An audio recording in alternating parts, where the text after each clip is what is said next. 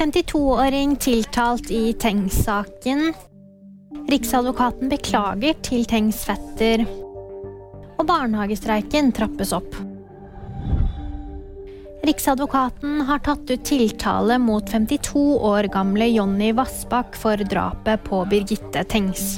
Han ble pågrepet og siktet for drapet i fjor. Han kommer til å få en bredt anlagt rettssak som kommer til å vare i inntil tolv uker. Og der skal alle momenter på bordet før da retten trekker konklusjon. Det sier VGs krimkommentator Øystein Millie. Og vi holder oss til Tengs-saken, for Riksadvokaten beklager til Birgitte Tengs fetter.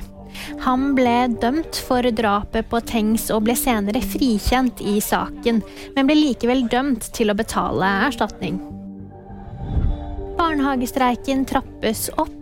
Mandag gikk 1000 ansatte ut i streik, og på torsdag vil 1000 til bli tatt ut. Dette skjer etter at det natt til lørdag ble brudd i meklingen mellom partene.